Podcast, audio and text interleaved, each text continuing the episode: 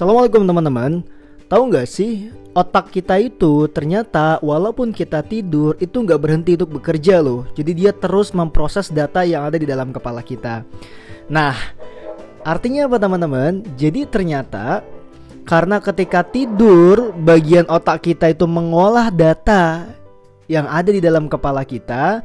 So, data sebelum tidur itu yang paling banyak diolah. Nah, jadi teman-teman pernah gak sih ngelihat orang yang habis tidur tuh kayaknya badannya pegel, ya kan kayak nggak karuan, terus kayak nggak mood.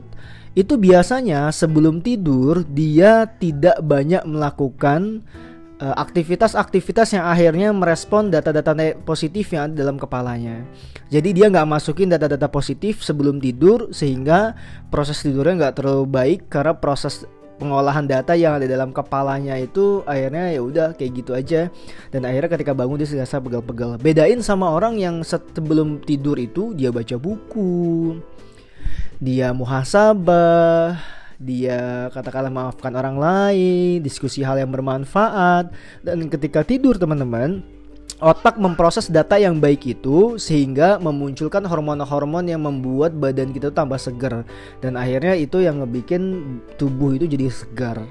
Nah, itu yang dibilang oleh guru saya, salah satu pakar otak namanya Dr. Tubagus Wahyudi saya bilangnya Om Bagus ya. Om Bagus ini bilang kalau misalnya manusia itu tidur itu otaknya masak. Jadi istilah itu memasak. Nah, apa yang dimasak itu data. So, teman-teman, inilah yang menjadi salah satunya menjadi hikmah kenapa sih Rasulullah Shallallahu alaihi wasallam selalu menyunahkan kepada umatnya itu untuk melakukan hal yang baik-baik sebelum tidur. Apa memaafkan orang lain, muhasabah. Tadi seharian kita ngapain aja ya? Apa yang bagus, apa yang perlu diperbaiki, besok harus ngapain lagi. Terus juga di situ ada wudhu, ya kan, baca Al-Quran, berzikir, sehingga otak kita itu memproses data yang baik, jadi tenang teman-teman. Nah, yuk kita sekarang kita refleksi diri. Kalau sekarang kita mungkin sebelum tidur malah nonton-nonton yang gak jelas, akses sosmed yang gak bermanfaat, akhirnya tidurnya malah kecapean, begadang, nonton, ya ataupun malah marah-marah dan segala macam. Wajar nggak sih kalau misalnya ternyata tidur kita tuh nggak nyenyak atau bahkan ketika habis tidur tuh kayak ngerasa kok gue masih pegel-pegel kok gue malas ya dan segala macam. Nah itu bisa jadi salah satu tanda kalau teman-teman ternyata belum banyak melakukan aktivitas-aktivitas positif sebelum tidur.